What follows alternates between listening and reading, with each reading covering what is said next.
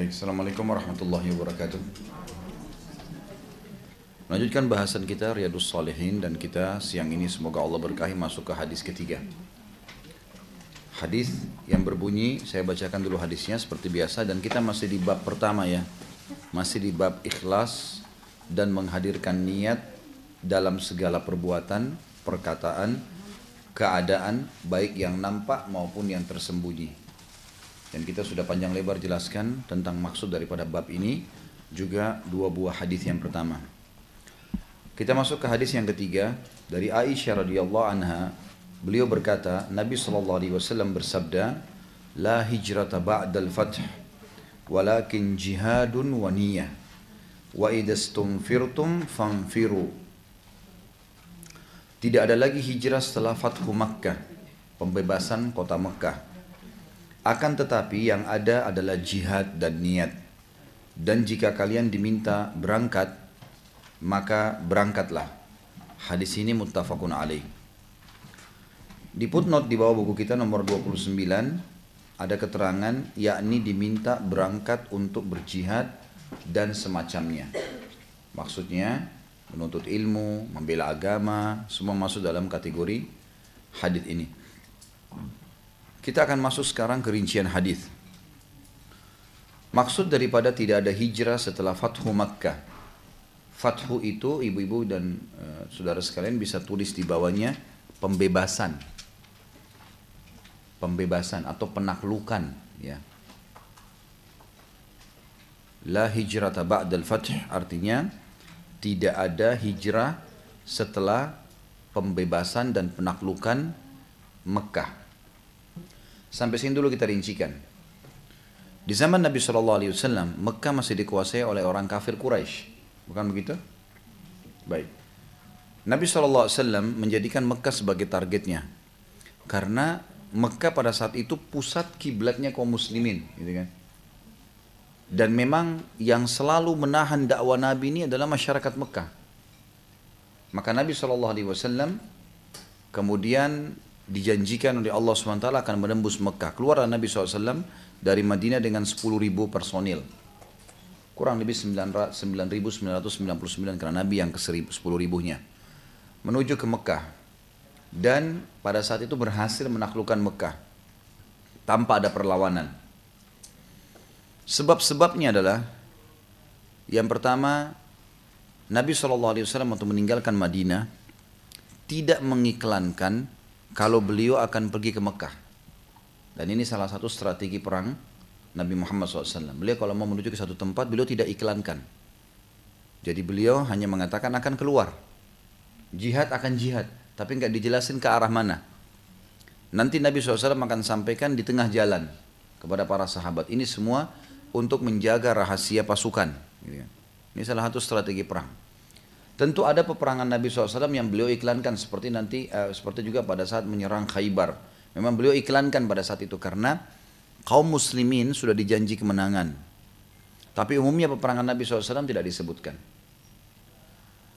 Ini faktor pertama kenapa Nabi SAW menang. Tentu yang kita tidak bahas di sini adalah kemenangan dari Allah itu sudah pasti.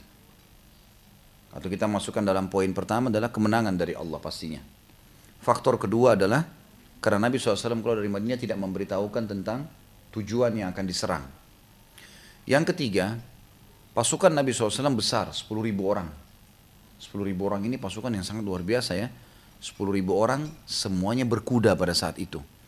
Dan pasukan berkuda di zaman dulu ini sama dengan sekarang orang pakai tank. Jadi sangat kuat karena dari kepala sampai kakinya, kudanya juga sampai kakinya semuanya besi. Gitu kan. Dan kuda-kuda ini sudah dilatih untuk berperang. Kuda berperang itu beda. Jadi seperti kalau laki-laki itu kekar, punya otot-otot, bisa nendang dengan kakinya. Dia tidak takut lihat senjata-senjata tajam. Memang beda kuda-kuda yang sudah dilatih, sudah terbiasa.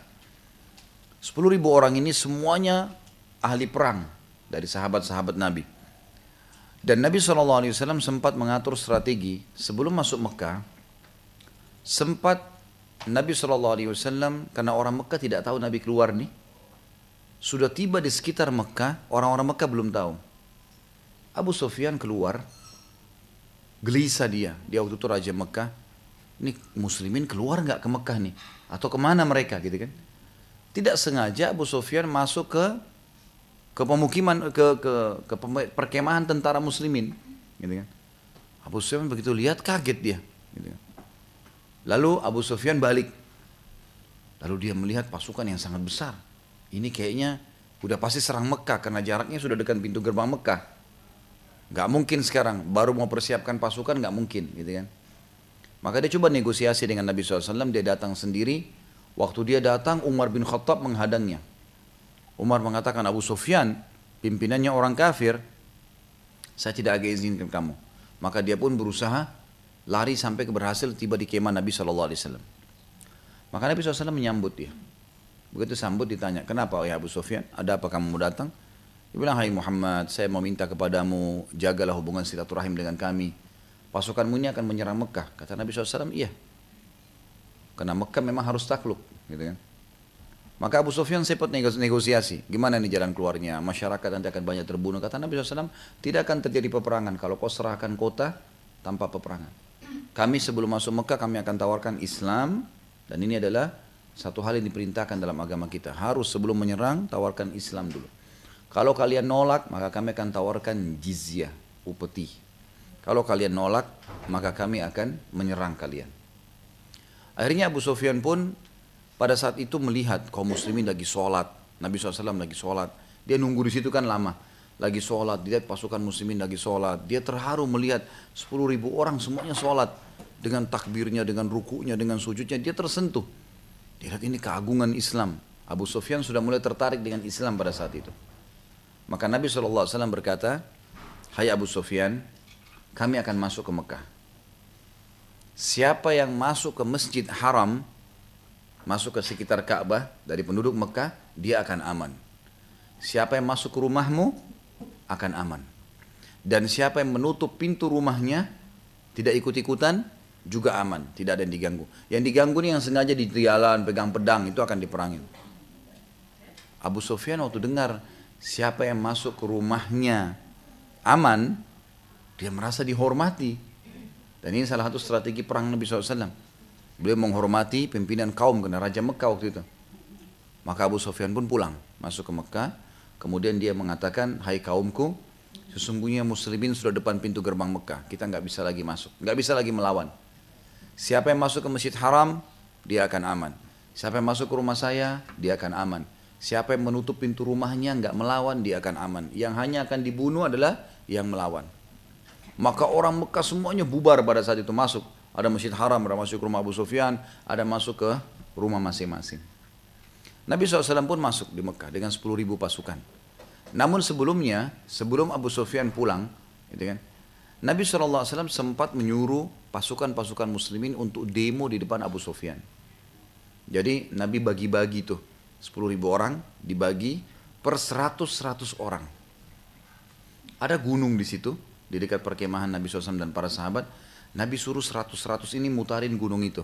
Tadi per seratus muncul. Abu Sofyan ini cuma lihat bagian depan gunung, bagian belakang dia nggak tahu. Jadi rupanya seratus orang ini mutar lewat di depannya Abu Sofyan, demo, saling pedang, tangkis, gitu kan, keterampilan perang, jalan. Datang lagi seratus dari sana, datang lagi seratus dari sana, non stop nih. Abu Sufyan lihat itu berapa banyak pasukan Muslim ini. Yeah. Karena ini 100, kalau 10 ribu dibagi 100-100 kan banyak sekali gitu kan.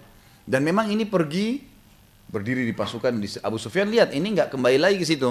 Ini sudah bentuk pasukan di sebelah Nabi. Datang lagi 100, datang lagi 100. Dia bingung hitung nih karena banyaknya gitu kan. Maka sampai penuh, maka dia tidak tahu jumlahnya. Dia pun berkata, sungguh Mekah akan hancur dengan pasukan ini, gitu kan. Lalu kemudian dia bilang sama Nabi SAW, siapa mereka semua ini? Kata Nabi SAW, kau tidak kenal mereka? Lalu dipanggillah beberapa sahabat yang dari Mekah, Ali bin Abi Thalib, Uthman bin Affan, Umar bin Khattab, Abu Bakar, sahabat-sahabat yang sudah masyur, disuruh datang, terus disuruh buka apa namanya topi besinya, gitu kan? Nah kan ada ada tirainya pun jatuh di wajahnya, cuma tinggal matanya yang kelihatan kan, dibuka. Heran Abu Abu Sufyan ngelihat, kalian semua ini dengan keterampilan perang perang seperti ini, maka kata Nabi SAW, iya, mereka lah yang kalian kenal sebelumnya. Gitu. Kan. Maka Abu Sufyan pulang lalu mengiklankan tadi berita tersebut. Baik. Sebelum penyerangan Mekah, Bapak Ibu sekalian, Mekah ini harus ya, Mekah ini e, harus semua umat Islam dari sana hijrah. Harus, nggak boleh nggak. Karena umat Islam di Mekah disiksa.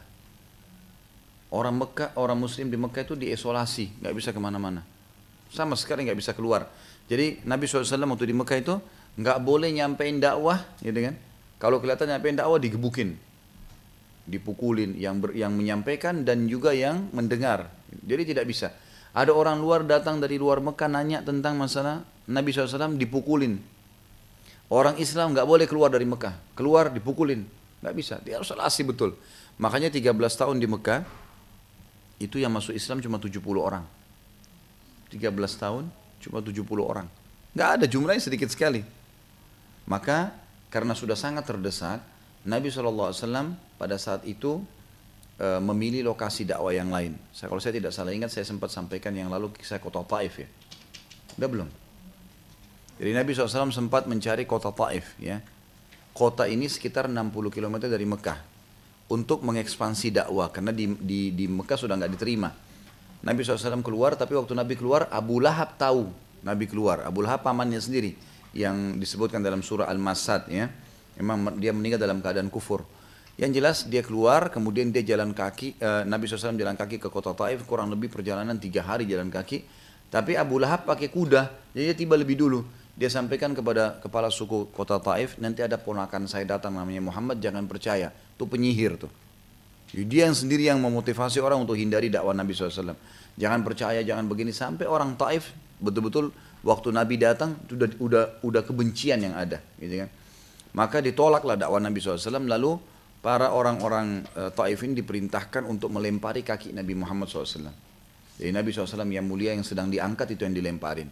Kalau yang di kanan diangkat itu yang dilemparin. Begitu turun kaki kanan, kaki kiri diangkat, kaki kiri yang dilemparin. Jadi begitu. Dan sangat menyakitkan sekali. Cuma Nabi SAW harus jalan, nggak bisa enggak. Karena kalau dia berhenti maka akan mati terajam gitu kan. Nabi SAW keluar, pintu gerbang ditutup dalam kondisi berdarah, keringatan. Beliau bingung mau harus apa lagi. Kembali ke Mekah ditolak, di Taif ditolak, kota mana lagi nih gitu ya. Maka turunlah Jibril lalu berkata, lalu Nabi SAW berdoa mengatakan, beliau jalan semampunya sampai ke sebuah pohon dalam kondisi kesakitan lalu beliau mengatakan, Ya Allah, ke mana kau akan arahkan kakiku? Ke kota Mekah kah yang ditolak? Ke kota Taif kah yang ditolak? Atau ke arah mana masa depan yang tidak jelas? Tapi kalau kau tidak marah padaku ya Allah, aku tidak peduli. Yang penting ini betul, aku akan jalani. Maka Jibril AS datang pada saat itu bersama dengan malaikat penjaga gunung. Kata Nabi kata kata Jibril AS, Hai Muhammad, ini di sebelah saya ada malaikat khusus ngurus gunung. Semua gunung ini dia yang urus, gitu kan? Perintahkan saja dia, titahkan dia apa saja, termasuk kalau kau mau semua gunung Mekah sama gunung Taif disatuin. Dua kota ini hilang sejarahnya dalam dunia. Nggak ada lagi nih Mekah sama Taif habis nih. Dan agamamu tetap akan tersebar. Atau kau sabar berdakwah, agamamu juga akan tersebar. Pilih salah satunya. Hancurin dua kota ini kau akan dapat lokasi dakwah baru.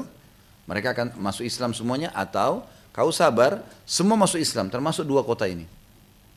Maka kata Nabi SAW saya sabar. Semoga saja ditunjuk kota Taif dari kota ini keluar dari keturunan mereka yang beriman kepada Allah. Maka betul-betul memang keluar seorang sahabat namanya Abdurrahman ibn Sakhar atau sering dibaca namanya Abu Hurairah. Nah ini dari kota Taif gitu kan, yang merupakan penghafal hadis yang banyak sekali. Jadi kurang lebih seperti itu. Nah Nabi SAW akhirnya kembali ke Mekah. Di Mekah ternyata juga terdesak. Akhirnya turunlah perintah Allah untuk hijrah. Hijrah ke Madinah gitu kan. Nah hijrah ke Madinah ini Bapak Ibu sekalian adalah terjadi setelah di musim haji Nabi SAW ketemu dengan beberapa penduduk Madinah. Yang nanti dikenal dengan Ansar ya. Dari suku, dua suku suku Aus dan Khazraj. Suku Aus dan Khazraj. Dua suku ini dalam Al-Quran disatuin dikatakan Ansar. Orang-orang Ansar ya. Terkenal. Sampai sekarang di Madinah itu induknya mereka Aus dan Khazraj ya. Aus dan Khazraj ini pernah ada di antara mereka yang pergi haji ketemu dengan Nabi SAW Nabi SAW gunakan momentum haji ini untuk dakwah. Karena orang-orang waktu itu mengerjakan ibadah haji ya. Cuma haji mereka sudah banyak kesalahannya. Mereka sambil haji, sambil syirik, sambil sembah patung, gitu kan. Sambil tawaf telanjang, sambil bersiul, macam-macam mereka buat hal-hal yang ngaco gitu. Yang jelas Nabi SAW berdakwah. Nah ternyata dari suku Hazraj dan Aus ini ada yang masuk Islam. Masuk Islam. Pertama 12 orang tertarik dengan dakwah Nabi SAW dan alasan mereka tertarik itu karena di kota Madinah ini cerita ya. Jadi ini historinya begitu. Kalau ada yang perlu dicatat dicatat. Di Madinah ada tiga suku Yahudi yang sudah masuk di Madinah waktu itu dan sengaja mereka hijrah dari kakek moyang mereka itu karena tahu ini Madinah tempat hijrahnya Nabi terakhir.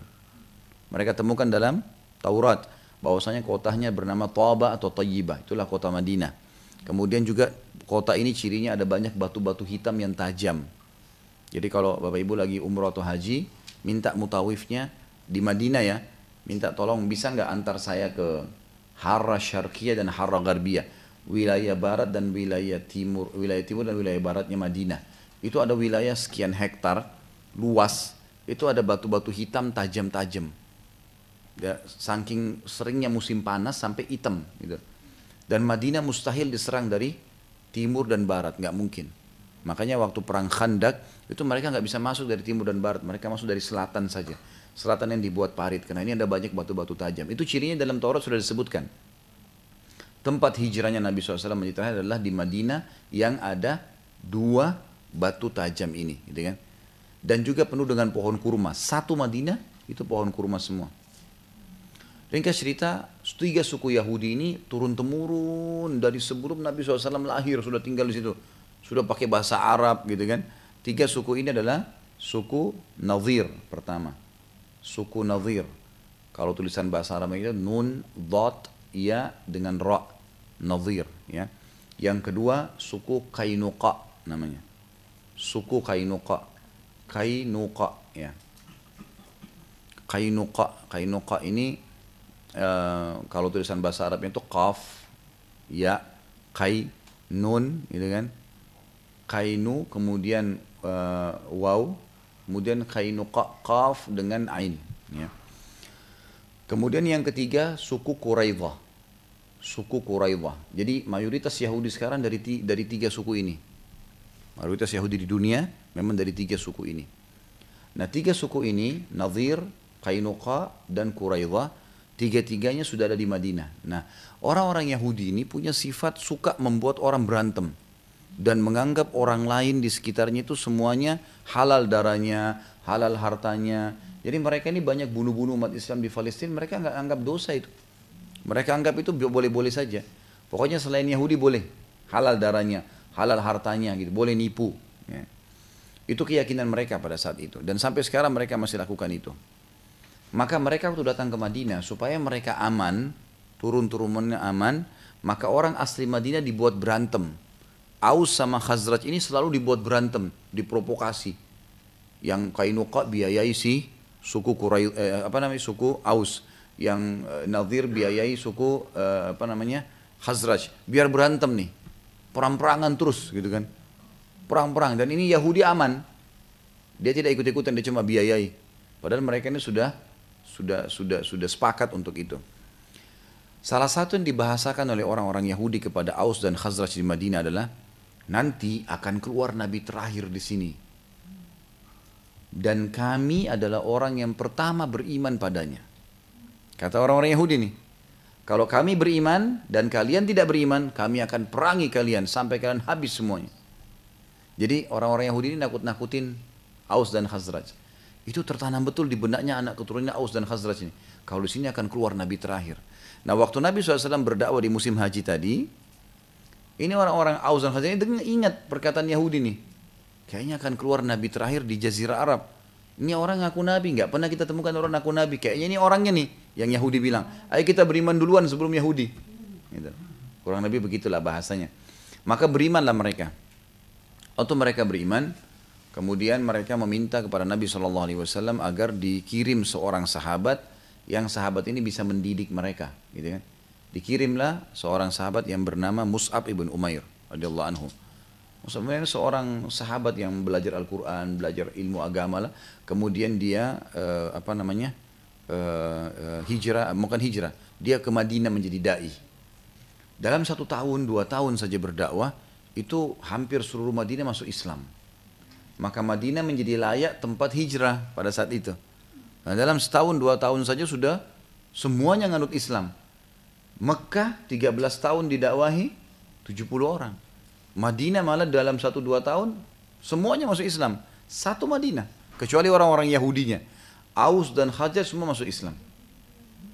Maka mereka pun meminta Nabi SAW untuk hijrah ke Madinah. Hijrah Nabi SAW, Nabi perintahkan sahabat semua harus hijrah ke Madinah. Wajib, pada saat itu wajib hijrah. Hijrah semua. Sembunyi-sembunyi kah, terang-terangan kah, pokoknya hijrah. Gak boleh ada yang tinggal di Mekah. Nabi SAW tetap di Mekah sampai semua sahabat hijrah. Dan semua sahabat laki-laki, perempuan, anak kecil hijrah sembunyi-sembunyi. Mereka rata-rata keluar kalau kita sekarang di awal-awal malam jam 11, jam 12 malam, jam 1 malam. Waktu itu di Mekah orang sudah pada tidur semua. Gitu kan? Maka mereka keluar pada waktu-waktu lalu hijrah ke Madinah. Satu persatu mereka pergi. Semuanya sembunyi-sembunyi kecuali Umar bin Khattab. Umar bin Khattab memang tidak sembunyi-sembunyi. Makanya kata Abdullah bin Mas'ud, kami semua hijrah ke Madinah dalam kondisi sembunyi-sembunyi kecuali Umar bin Khattab. Umar bin Khattab ini waktu mau hijrah, dia pakai baju perangnya, ya, pegang pedang, dia tawaf. Setelah tawaf dia naik ke atas sebuah batu lalu teriak mengatakan, Hai Quraisy, siapa yang ingin istrinya jadi janda? Siapa yang mau anaknya jadi yatim? Temui saya di belakang bukit ini. Saya akan hijrah. Artinya dia akan mati pasti, gitu kan? Maka tidak ada yang menemui Umar. Karena mereka takut semua. Umar ini orangnya besar, tinggi besar. Dikatakan cirinya kalau duduk di atas kuda kakinya sampai di tanah, gitu kan? Dan bisa dua meter lebih eh, tingginya Umar bin Khattab, sangat besar. Memang orang takut menghadapinya. Ringkas cerita, hijrahlah satu-satu sahabat ini sampai habis. Tertinggal di Mekah tinggal segelintir orang. Nabi SAW, Abu Bakar dengan anak-anaknya Nabi dan anaknya Abu Bakar. Jadi semua yang lain semua sudah tidak ada nih umat Islam. Gitu kan. Orang Quraisy lama-lama curiga, gitu kan. Kok nggak kelihatan lagi umat Islam? Tapi mereka tidak tahu kalau sudah hijrah karena diam-diam nih, bukan terang-terangan. Umar bin Khattab terang-terangan, Cuma mereka pikir Umar satu orang. Mereka nggak tahu kalau semua umat Islam. Dan mereka selalu tolak ukurnya Nabi sama Abu Bakar. Oh masih ada dua orang ini berarti masih ada. Padahal sebenarnya tinggal mereka nih, nggak ada lagi gitu kan. Akhirnya Quraisy mulai berkumpul. Ini kayaknya sudah banyak umat Islam yang keluar nih. Sebelum Muhammad keluar, kita harus tipu daya dulu nih. Nggak boleh. Musyawarah lah mereka. Bermusyawarah di Daruna dua namanya. Tempat kumpulnya orang-orang Quraisy. Daruna dua mereka musyawarah. Pada saat itu Nabi SAW menceritakan kepada kita, kalau ada iblis, iblis datang menjelma jadi manusia. Iblis waktu itu datang menjelma jadi manusia, lalu ikut meeting di situ. Ikut musyawarah, gitu kan? Ikut musyawarah, lalu mereka saling berdiskusi, diapakan nih Muhammad SAW.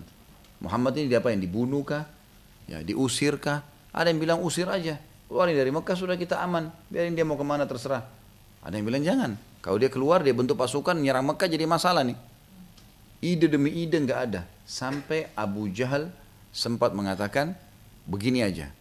Kita ambil dari setiap suku Arab yang ada di Mekah, suku Quraisy, anak muda terkuatnya. Semua pegang pedang, datangi rumah Muhammad, kemudian semuanya menebas dengan satu kali tebasan. Jadi nanti sukunya Muhammad, maksudnya suku Nabi SAW, Bani Hashim dan Bani Muttalib, ada dua suku beliau, kalau suku dua suku ini mau membalas dendam, dia tidak bisa karena dia harus lawan semua ini. Semua suku. Waktu itu jumlahnya belasan orang. Baik, disepakati. Waktu Abu Jahal bilang itu, iblis bilang, ini pendapat. Iblis pun tidak punya pendapat itu, gitu kan? Abu Jahal punya gitu. Ini luar biasa. Gitu. Yang jelas pada saat itu mereka sepakatlah. Malam itu tepat pada saat mereka niat begitu, perintah Allah turun kepada Nabi SAW. Hai Muhammad, kau sekarang juga harus hijrah. Gak boleh lagi ada yang tinggal nih. Kamu pun harus hijrah malam ini. Gitu kan. Maka Nabi SAW pada saat itu sudah dapat wahyu. Kalau anak-anak muda ini akan datang. Datang anak muda tersebut mengepung rumah Nabi SAW. Pertama mereka bermusyawarah, kita apakan nih? Serang langsung masuk atau kita tunggu? Mereka musyawarahnya memang kita tunggu aja. Dia keluar kita baru tebas. Jadi orang-orang Arab nggak ngomong kalau kita nyerang rumahnya orang. Memang dia keluar, kita nanti alasan dia buat masalah, kita yang bunuh dia. Gitu kan? Seperti itulah. Ada yang satu bilang, sebentar, coba saya intip dulu, ada nggak di rumah dia? Ternyata satu orang manjat tembok Nabi, tetangga Nabi ada ibu-ibu, perempuan ini teriak. Maling gitu ya, kurang lebih kayak kita. Pencuri nih. Nah turun orang itu tidak berani. Dan dulu zaman dulu itu, di zaman eh, tradisi orang-orang Arab ini, Memalukan sekali kalau ganggu perempuan tuh, luar biasa aibnya. Seperti dia sudah hilang keperkasaannya gitu. nggak boleh berantem sama perempuan, pokoknya ditinggalin sama dia kalau perempuan, gitu kan. Ini manjat perempuan itu teriak, dia lari, dia takut, tidak mau nanti dikira dia ganggu perempuan gitu. Akhirnya mereka musyawarah, kita tunggu aja, kapan Muhammad keluar rumah besok pagi kita tebas nih. Nabi SAW malam itu terima wahyu kalau dia akan hijrah, kemudian dia pun belum menyampaikan kepada Abu Bakar. Ada Ali bin Abi Thalib yang tinggal di rumahnya. Kemudian Ali bin Abi Thalib eh, diperintah oleh Nabi SAW untuk tidur di ranjangnya. Lalu Nabi SAW menyuruh tutup dengan selimut. Lalu Nabi SAW keluar. Waktu Nabi keluar, rupanya Allah buat semuanya mengantuk nih. Orang-orang Quraisy yang anak, anak muda depan pintu ini belasan orang mengantuk.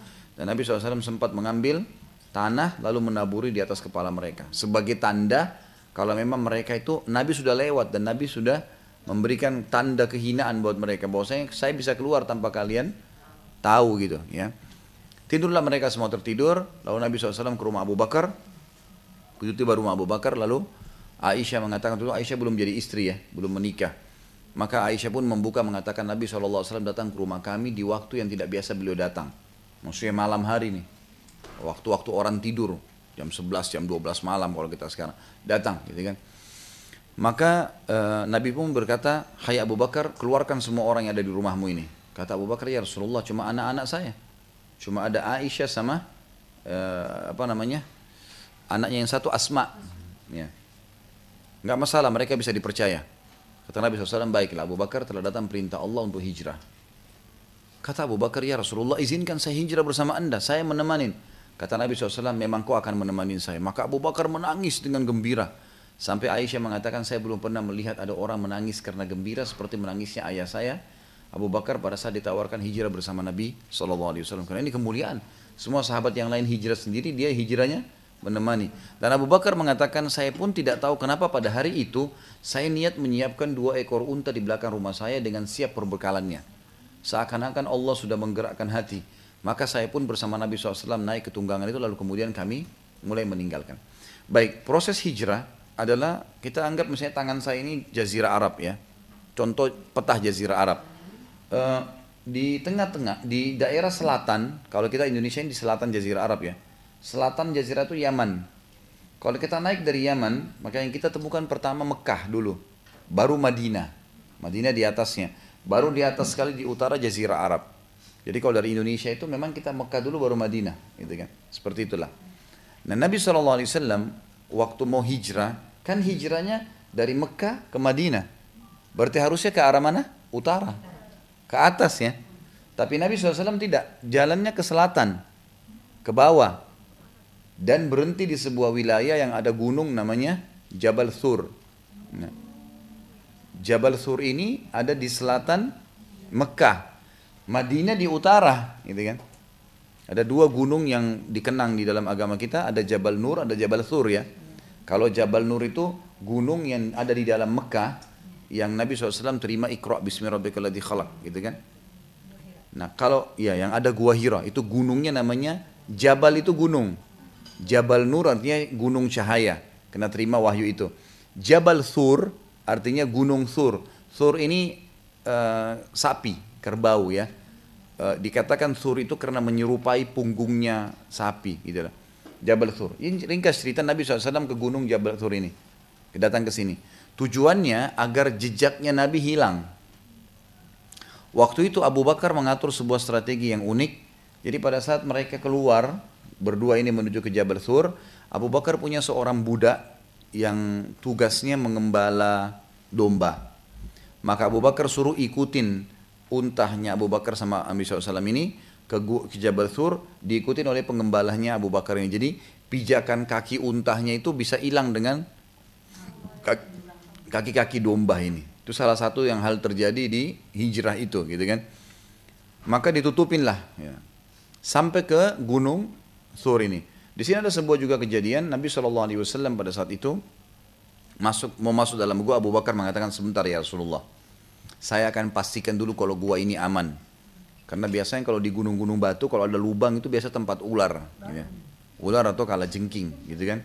Maka Abu Bakar radhiyallahu anhu mengecek satu persatu lubang itu. Dan cara ceknya bukan pakai pedang ya, pakai pakai kaki, kakinya dimasukin. Jadi biasanya ular itu kalau cium bau daging, bau manusia itu dia bisa nyerang. Tujuannya memang supaya keluar ularnya. Kalau dia lihat pisau atau kayu, itu ularnya nggak mau keluar. Jadi itu bukti cinta Abu Bakar kepada Nabi SAW. Jadi dimasukin kakinya satu, nggak ada. Dua yang kedua nggak ada, nggak ada. Sampai selesai semua, baru dia mengatakannya Rasulullah sudah aman. Maka Nabi SAW pun masuk bersama Abu Bakar. Tentu yang kita harus tahu di sini, gua yang dimaksud gua di Jabal Thur dan gua di Jabal Nur, itu bukan gua yang kita bayangkan ya. Bukan gua besar, masuk, bukan. Ini tebing. Jadi gunung-gunung batu itu di antara, di bagian atasnya sering ada tebing-tebing, curam, yang itu bisa orang ngilip masuk ke situ. Jadi dia bukan gua yang seperti kita gambarkan dalam pikiran kita gitu ya. Jadi seperti itulah. Makanya waktu itu orang-orang Quraisy rupanya bangun. Nih. Kita kembali ke kisah Mekah dulu. Dua belasan orang anak muda tadi terbangun pagi-pagi. Mereka lihat debu kotoran semua di kepalanya. Mereka kaget sudah terbit matahari nih. Ada orang tua lewat. Kalian mau apa? Kami menunggu Muhammad. Kata kata orang tua itu Muhammad sudah keluar dari tadi malam. Orang tua ini banyak lihat Nabi SAW lewat, gitu kan? Maka mereka segera masuk mendobrak pintu. Mereka pas buka selimutnya Nabi SAW ternyata Ali bin Abi Thalib yang ada di situ, radhiyallahu anhu. Maka mereka segera sebarin berita nih satu Mekah. Kalau Muhammad sudah melarikan diri. Satu Mekah mengejar. Nah, tadi kenapa Nabi SAW ke selatan dulu? Karena berita ini pasti tersebar. Dan kalau langsung menuju ke Madinah bisa kekejar. Maka beliau tinggal di situ dan tinggal di Jabal Thur itu tiga hari. Selama tiga hari di Jabal Thur. Nah yang yang yang selalu tiap hari membawakan susu adalah uh, budaknya Abu Bakar tadi. Diperain susu domba dikasih gitu kan. Ya, uh, ini kemudian yang membawa makanan Asma binti Abi Bakar. Anaknya Abu Bakar. Yang yang mengikat yang mengikat ikat pinggangnya dengan dua sisi kantong Makanya dia dikenal dengan uh, apa namanya zatun nitaqain. Nitaq itu kayak kantong ya. Jadi uh, Asma dikenal dengan julukan ini karena dia punya dua kantong di kiri kanan pinggulnya yang dia isi dengan makanan. Sehingga dia uh, membawa makanan dan zaman dulu memang perempuan begitu. Mereka ada kan masa-masa tradisi negara ya, ada yang menaruh uh, barang di kepalanya, ada yang di punggungnya gitu kan. Ada yang memang kalau orang wanita Quraisy enggak kain dililit panjang di pinggulnya, Lalu di kiri kanan tuh kayak digantungin wadah untuk bawa-bawa sesuatu. Biasanya bekal makanan. Nah Asma keluar dan membawa itu ke mereka, ke gua ini gitu kan. Tentu orang Quraisy tidak berpikir sampai ke bawah nih. Sampai akhirnya mereka telusurin sampai udah mendekati Madinah, nggak ada Nabi SAW. Dan tidak mungkin bisa secepat itu gitu loh. Mereka tidak temukan, maka mereka kembali dan ada satu, uh, jadi orang Quraisy juga punya satu uh, tradisi, karena mereka sudah hidup memang hidup di padang pasir mereka bisa tahu dari jejak-jejak kaki ya, itu kalau orang ini sudah satu hari lewat dua hari lewat bahkan mereka bisa ngeraba ngerasa dari suhu panasnya ini sudah sekian hari. Bahkan orang-orang Quraisy itu bisa mengetahui dari pijakan kaki wanita ini gadis atau enggak. Iya. Jadi dari pijakan kakinya ya. Itu ditulis dalam buku-buku sejarah ya jadi mereka bisa mengetahui, jadi kalau ada perempuan jalan ada bekas kakinya, mereka bisa tahu ini orang perawan atau enggak gitu. Tapi enggak enggak pakai jin. Memang itu Allah alam. Tapi yang jelas itu dikatakan dalam buku-buku sejarah lah. Enggak usah dibayangkan. Ya. Itu adalah itulah itu kisah histori zaman dulu kan gitu. Hmm. Anggap ilmu itu sudah hilang lah, enggak usah dipelajari sekarang. Yang jelas ini cuma begitu saja. Jadi mereka pelajarin itu kan. Rupanya ada satu yang pakar di situ. Dia bilang, di atas pijakan kaki-kaki domba ini di bawahnya ada kaki unta. Ditahu sama dia. Ditahu sama dia. Ini ada unta nih di sini lewat, bukan cuma kaki padahal kaki domba banyak gitu kan. Sampai mereka berhasil tiba di gua di Jabal Thur. Sampai di situ. Dan kata Abu Bakar ya Rasulullah, kalau salah so, demi Allah kalau salah seorang di antara mereka melirik ke bawah, lihat kakinya, kita kelihatan nih. Karena di tebing. Jadi bukan gua yang lubang ya, tebing aja. Makanya Abu Bakar mengatakan, ya kalau seseorang dari mereka ya Rasulullah melihat ke kakinya, pasti melihat kita. Maka kata Nabi SAW, wahai Abu Bakar, bagaimana pendapatmu dua orang yang ketiganya Allah? Nggak mungkin udah, gitu loh, nggak masalah. Nah rupanya pada saat itu dalam kisah kan dikatakan ada sarang laba-laba yang menutup di atas tebing itu kan gitu. Tebing ini kan bukan gua ya, bukan. Jadi tebing itu anginnya kan kencang nggak mungkin ada sarang laba-laba. Kalau gua masih mungkin pintu gua mungkin, tapi kalau tebing nggak mungkin gitu. Maka orang ini bilang, saya yakin sampai di sini nih. Tapi dia tidak tahu lagi di mana orangnya, tapi sampai di sini. Kata orang-orang Quraisy, dari mana caranya? Ini ada sarang laba-laba, nggak mungkin. Ini angin kencang, berarti ini tempat sudah lama nggak ada orang huni sama sekali gitu. Maka mereka pun tinggalkan akhirnya. Nabi SAW pun setelah itu pas sudah mulai gelap keluar hari ketiga kembali ke Mekah nih dengan menutup badan beliau dengan jubah dan Abu Bakar sambil membaca Al-Quran. Lewatlah di pinggiran Mekah. Rupanya di Mekah ini lagi berkecamuk berita karena Quraisy memberikan informasi waktu itu siapa yang tangkap Muhammad dapat 100 ekor unta. Kalau sama dengan 100 mobil Alphard lah sekarang ya. Siapa yang dapat ini hidup atau mati dapat 100 ekor unta. Orang pada nyerang nih, cari mana nih? Kita harus dapat nih.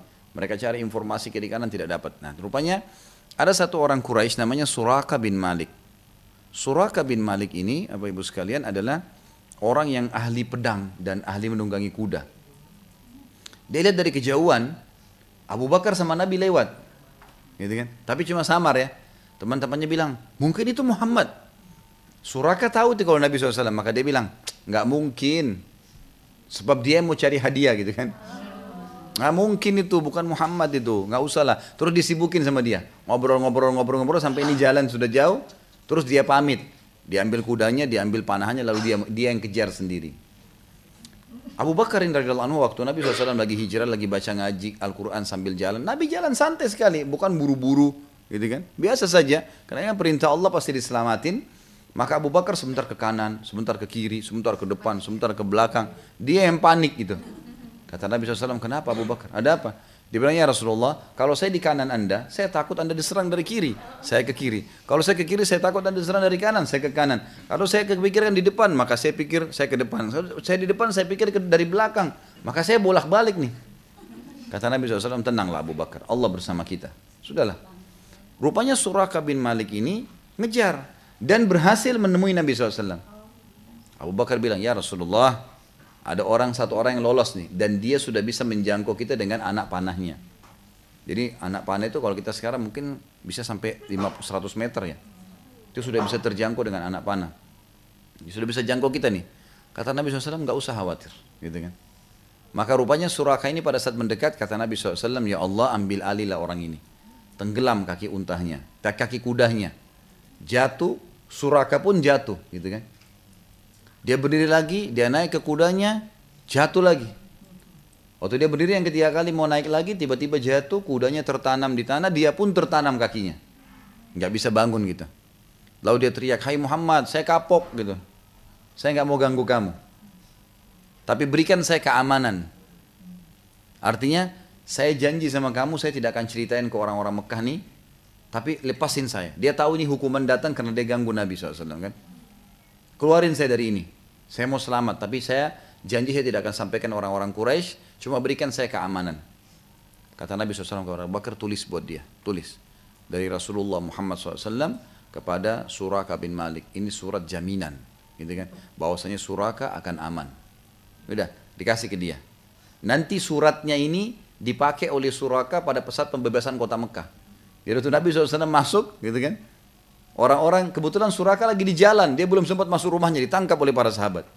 Ini kena hukuman, harus dibunuh, nggak masuk rumah gitu kan? Dilihatin suratnya sama dia. Saya punya surat nih. Waktu dilihat kepada oleh Nabi SAW, Nabi bilang benar, Suraka benar. Ini surat dari saya bebasin dia. Jadi ini kejadian nanti setelah 10, 8, 8, 9 tahun ke depan. Mas Suraka masih simpan tuh suratnya gitu. Yang jelas kata Nabi SAW, wahai Suraka, bagaimana perasaanmu kalau di tanganmu itu ada gelangnya kisro. Jadi kisro ini, ibu-ibu sekalian, adalah istilah bagi Raja Persia.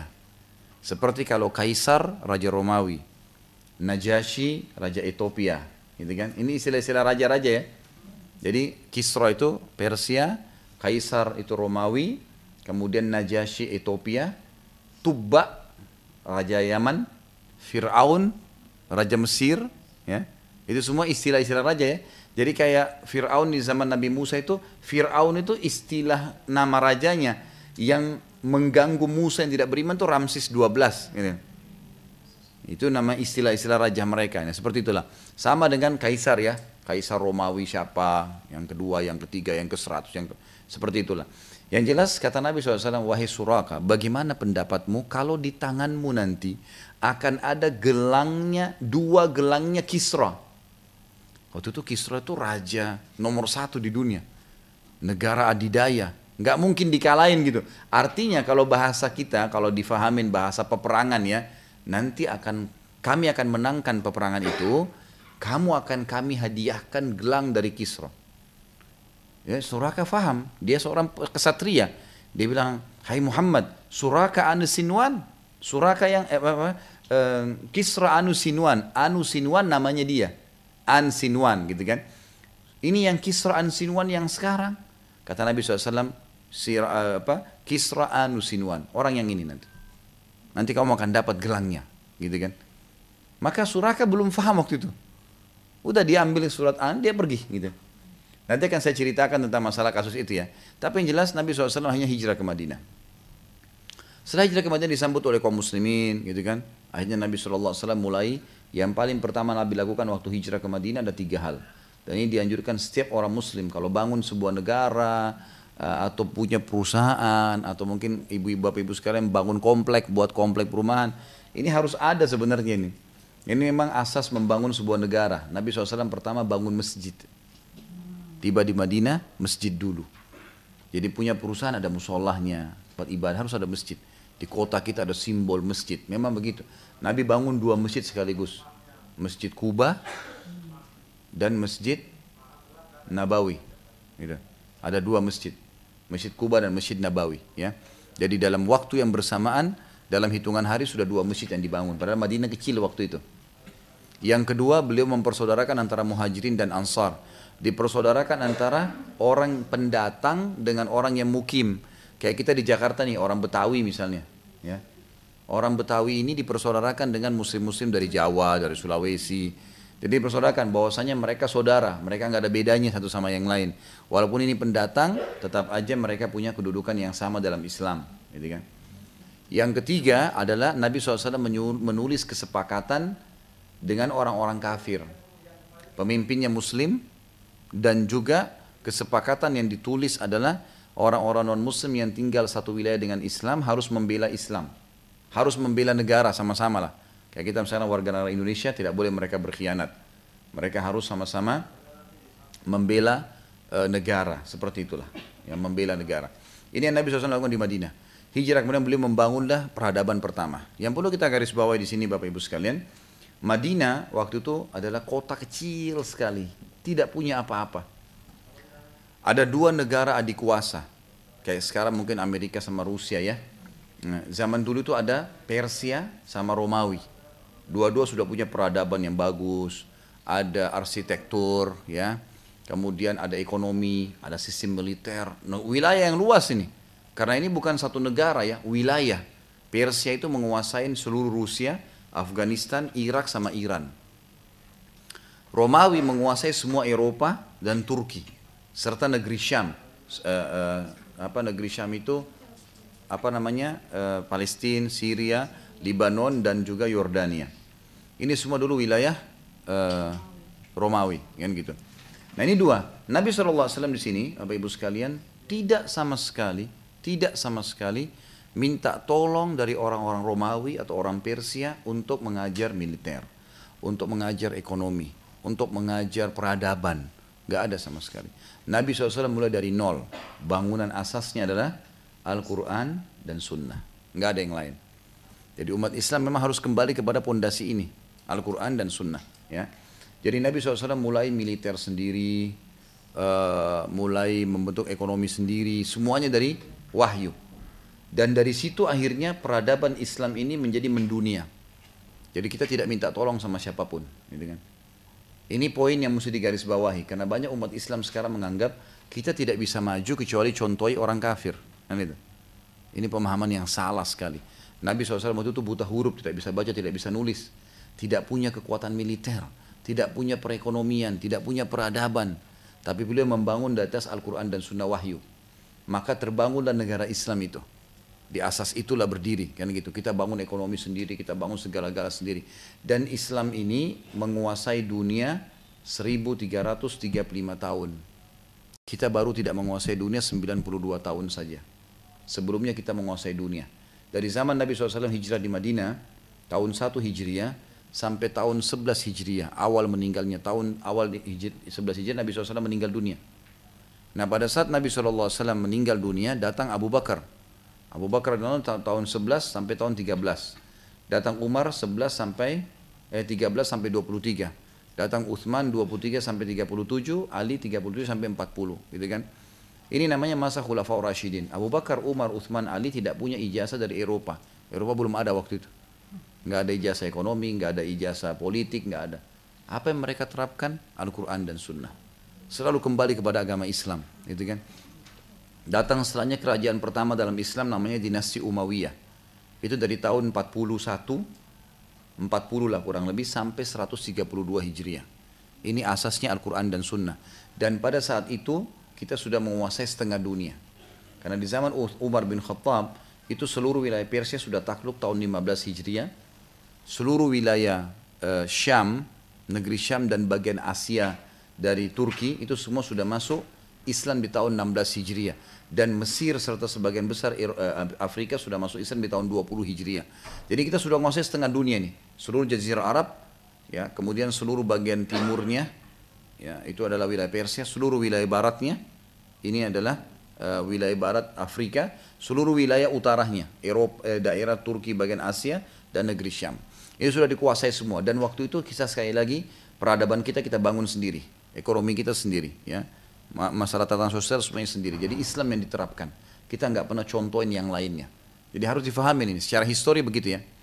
Berdiri kerajaan pertama dalam Islam namanya Umayyah tahun 40 sampai 132 Hijriah.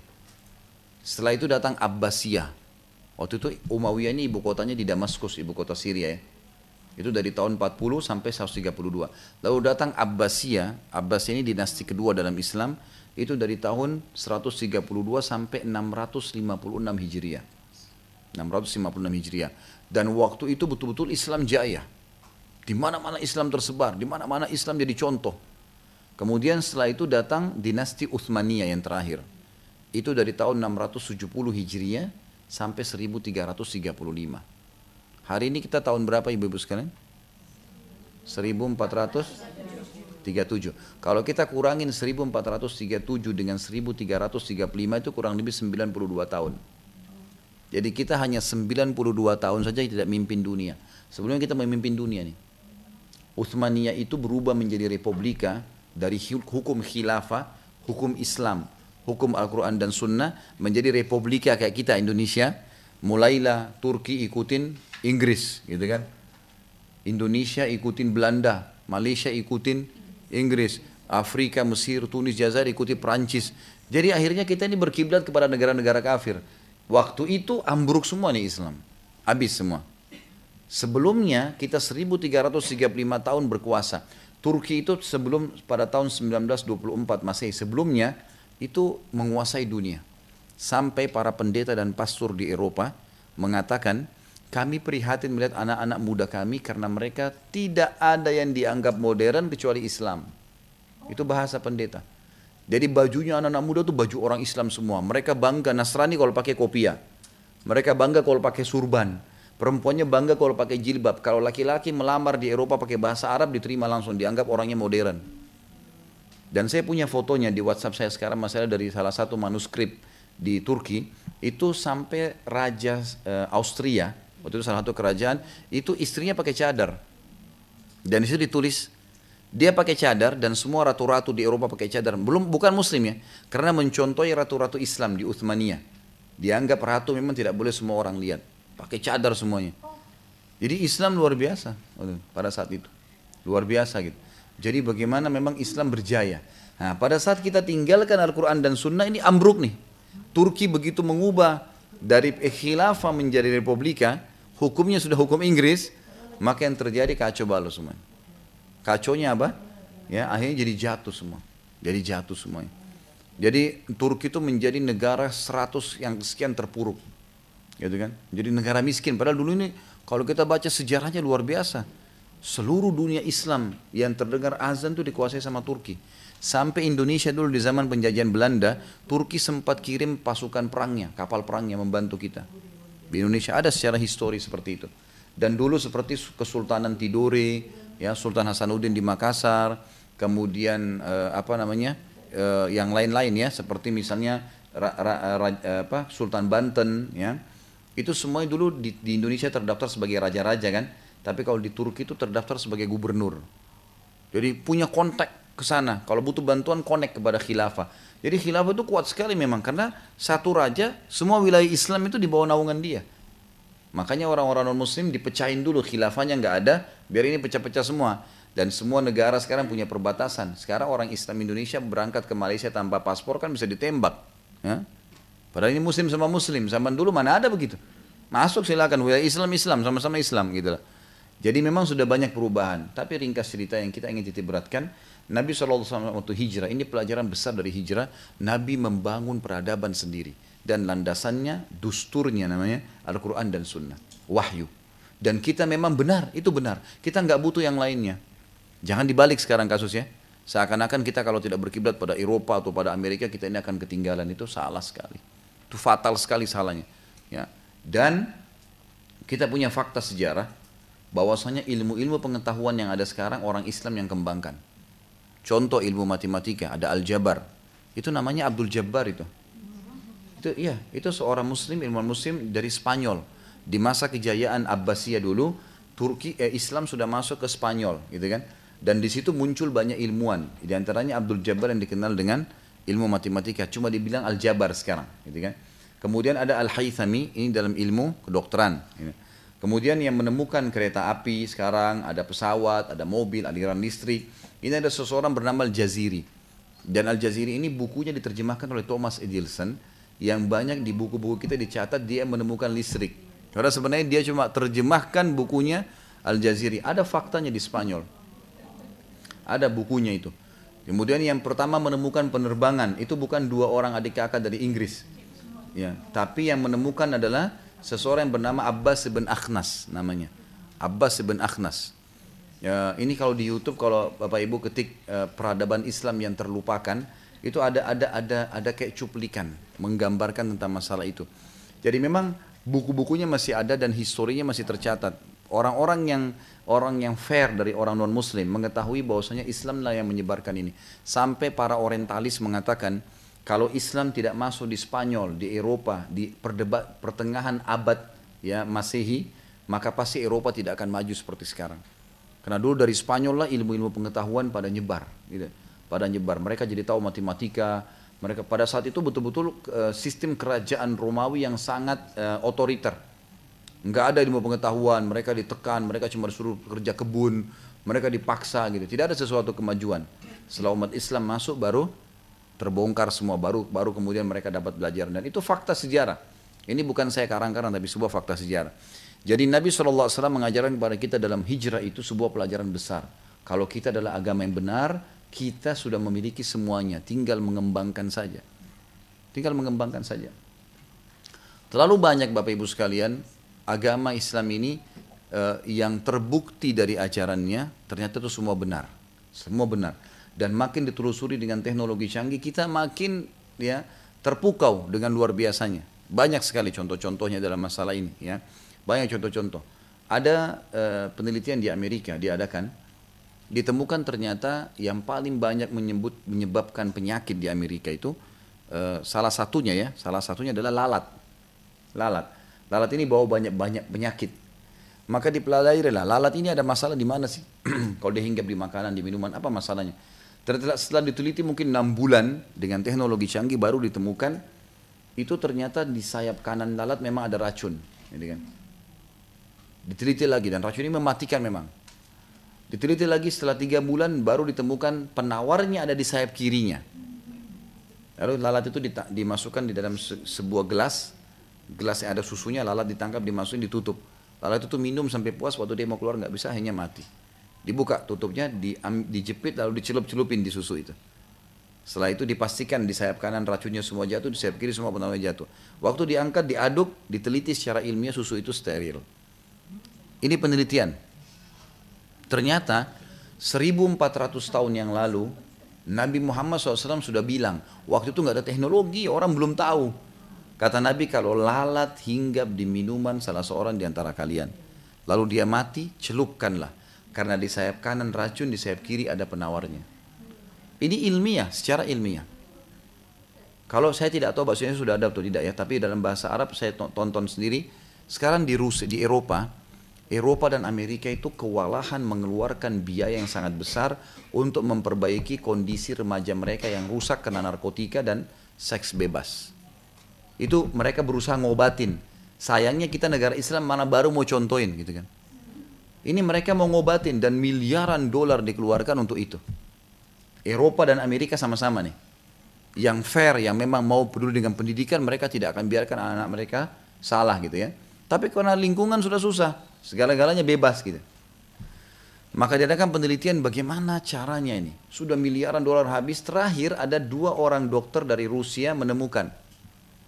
Ternyata di urat-urat saraf di punggung manusia itu memang ada itu kalau kalau dipenuhi urat saraf itu dengan e, minuman beralkohol maka itu akan mendongkrak ya keinginan seksual yang berat besar dan juga ada ketagihan terhadap alkohol atau minuman itu. Maka dicoba diteliti bagaimana cara ngobatin. Kalau mau dioperasi urat sarafnya rumit nih banyak. Maka dua ilmuwan ini, ini ada di YouTube ya. Ini diadakan penelitian. Mengadakan penelitian ternyata cara yang terbaik dipukul, dicambuk. Jadi punggung itu kalau dicambuk, bergerak, itu di, dia jadi goyang, itu ngalir sama darah, keluar semua tuh. Jadi tidak kecanduan lagi. Dalam Islam orang yang mabuk, orang yang berzina diapain? Cambuk.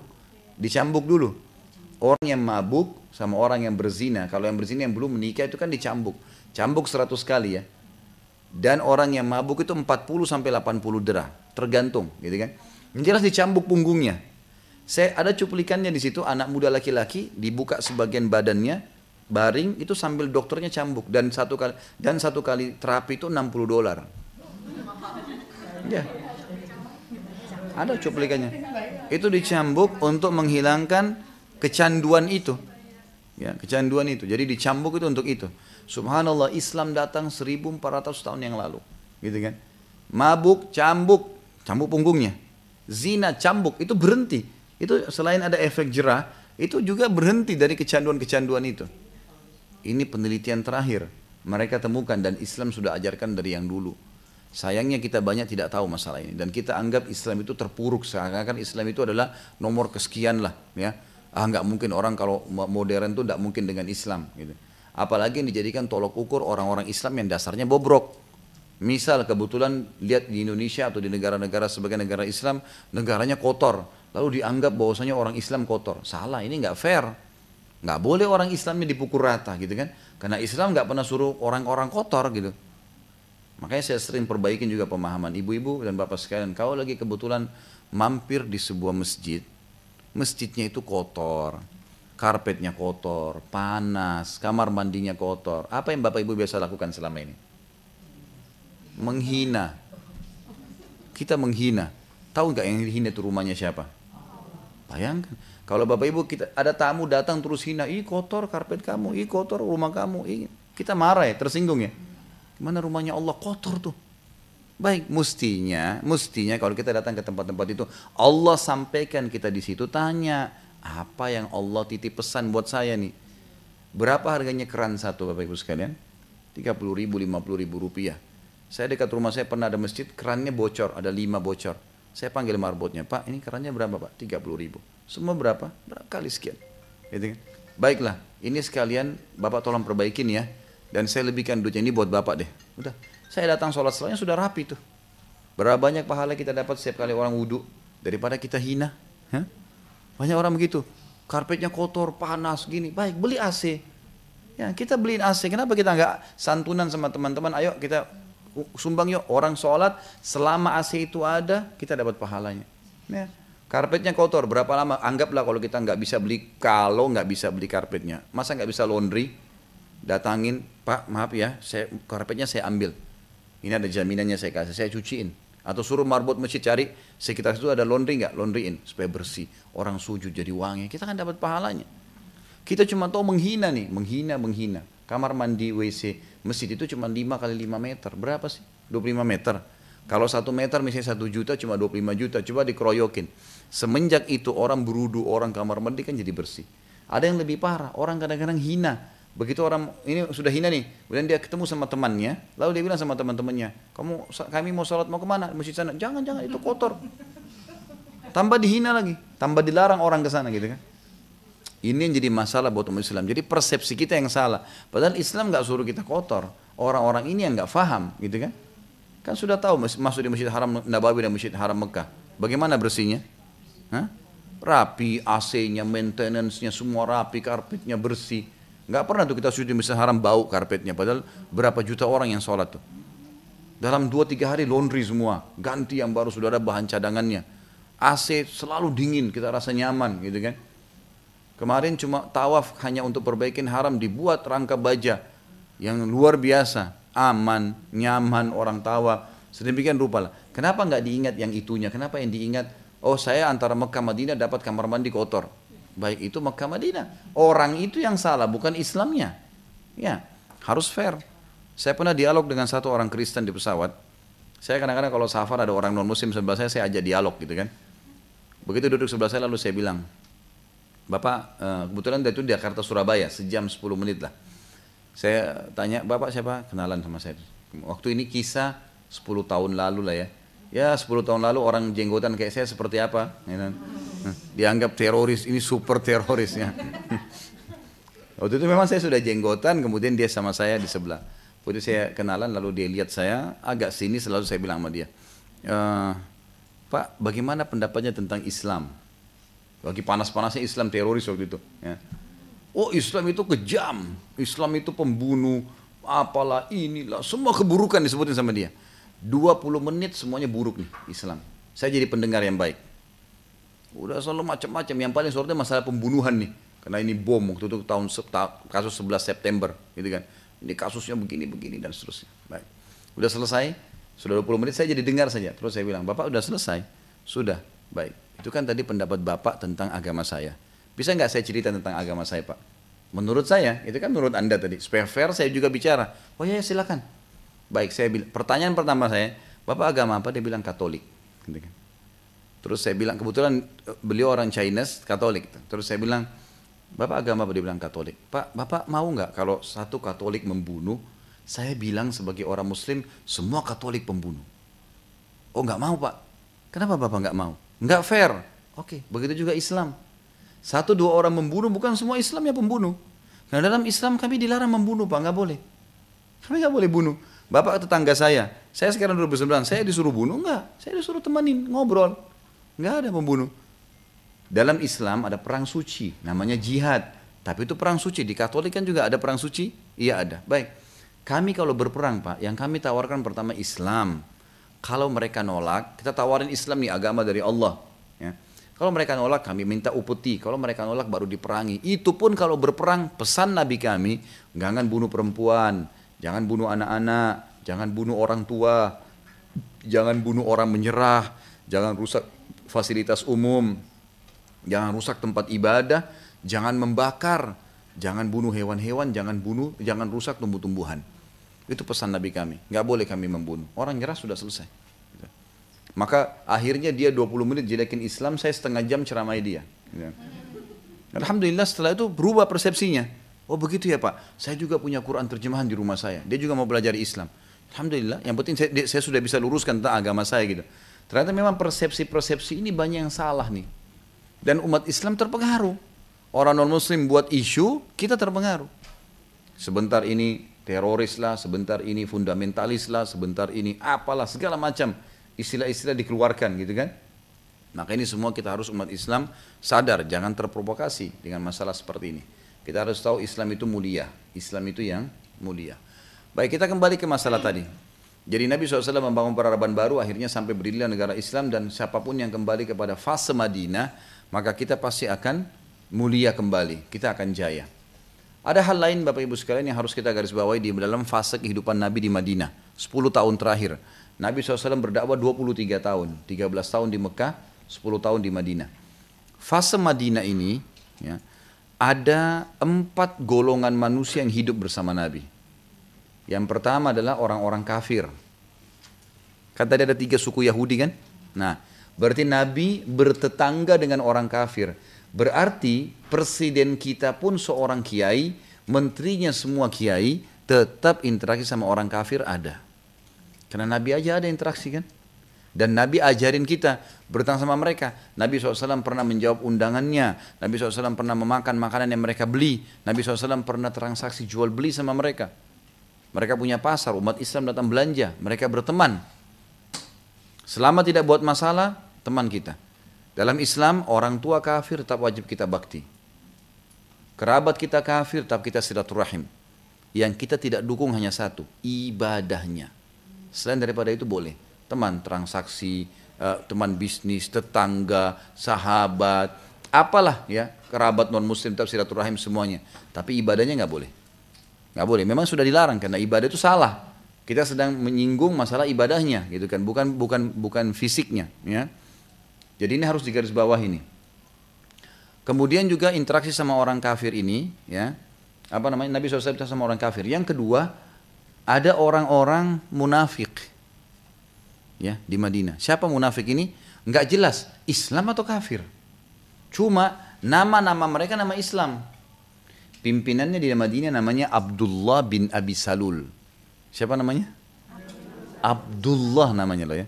Jadi jangan heran kalau sekarang di TV kita Indonesia keluar namanya Muhammad Ahmad tapi benci Islam. Caci maki Islam, caci maki begini, kenapa harus begini? Jangan heran, di zaman Nabi pimpinan orang munafik pura-pura Islam, Cirinya mereka namanya Islam, tapi benci dengan Islam. Ada di zaman Nabi ini. Bahkan Allah turunkan surah Al-Munafiqun. Satu surah lengkap. Jelasin tentang siapa mereka. Gitu loh.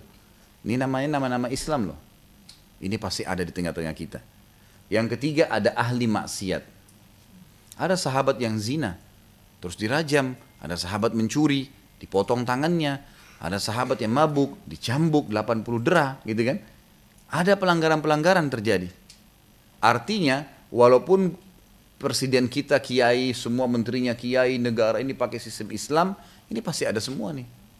Pasti ada semua ini nggak bisa lepas, gitu kan? Dan yang terakhir adalah orang-orang beriman. Nah, orang-orang beriman ini yang mendominasi hukum Allah di tangan mereka, sehingga yang lainnya ini pada tunduk dengan hukum itu. Jelas sampai sini ya. Berarti tolok ukurnya begitu. Ya. Pertama dari satu sisi jangan kita membenci Islam dan menganggap Islam itu mundur dan harus berkembang, ber, hanya berkembang dengan berpatokan dengan orang non muslim ini keliru. Ini harus diperbaiki, tadi saya sudah perbaikin persepsinya. Juga tidak boleh orang terlalu idealis pada saat dianggap negara Islam berdiri berarti semuanya tidak akan ada nih. Ini salah. Karena di zaman Nabi ada orang kafir, ada orang munafik, ada orang maksiat, tapi orang mukmin mendominasi sehingga mereka tidak leluasa melakukan perbuatan-perbuatan yang salah. Jelas ya? Baik. Kemudian selanjutnya adalah yang perlu digarisbawahi juga tentang masalah materi kita. Kita tinggalkan sudah hijrah Nabi SAW. Saya akan masuk ke masalah pada saat Mekah sudah, eh, Madinah sudah hijrah dan terbentuk kerajaan Islam. Kurang lebih di tahun 8 Hijriah, tahun 8 Hijriah, Nabi SAW menyerang Mekah menyerang Mekah. Dan tadi saya ceritakan di awal 10 ribu pasukan sudah masuk ke Mekah. Mekah takluk. Ya. Sebelum ditaklukkan Mekah, tadi masih ingat saya bilang hijrah hukumnya wajib. Semua orang Islam disuruh hijrah ke Madinah. Setelah pembebasan kota Mekah, keluarlah hadis ini. Nabi SAW sebutin, La hijrah ba'dal fath.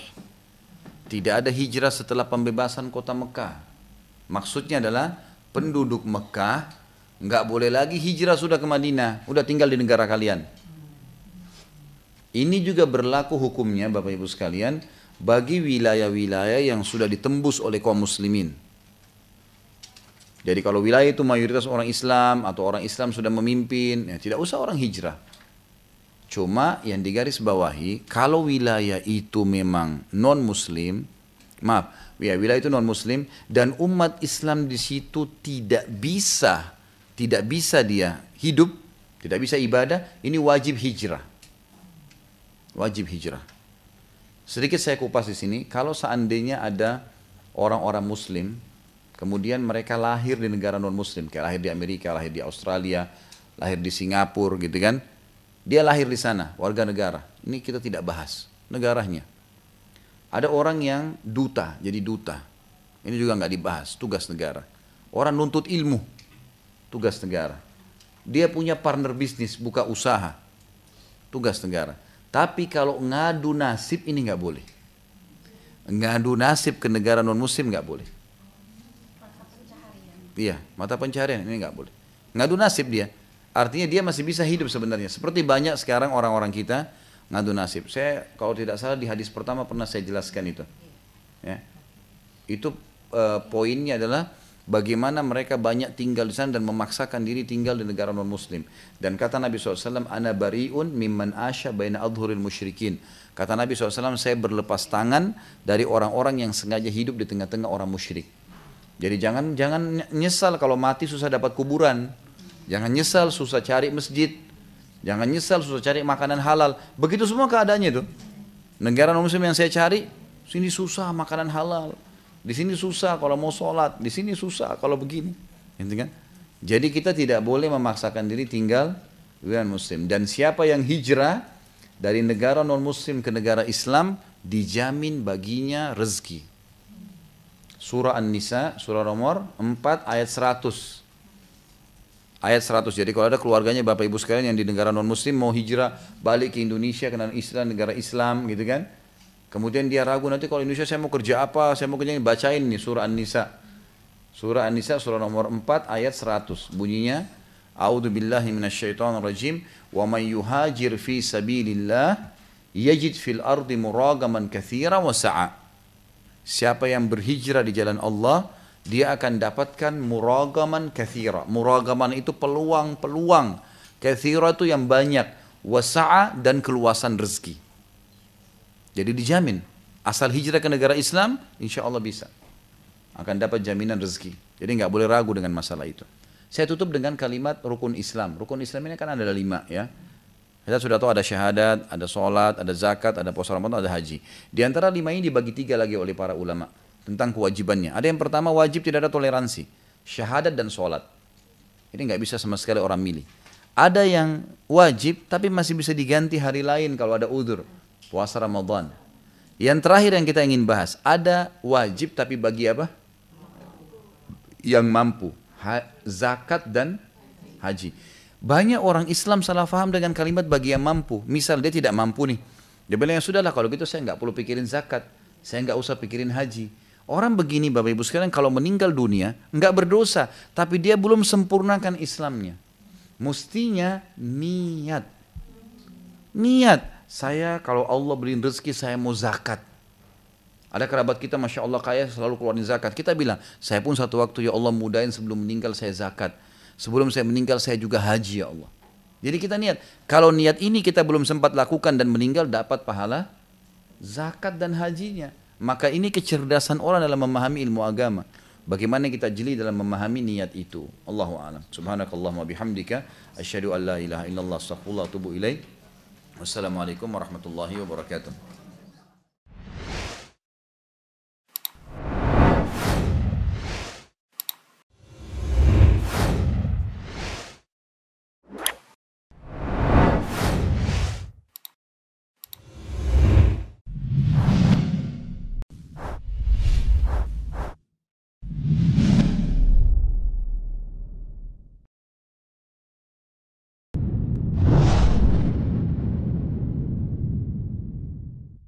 Assalamualaikum. Untuk pemesanan paket umroh murah Bisa menghubungi 0821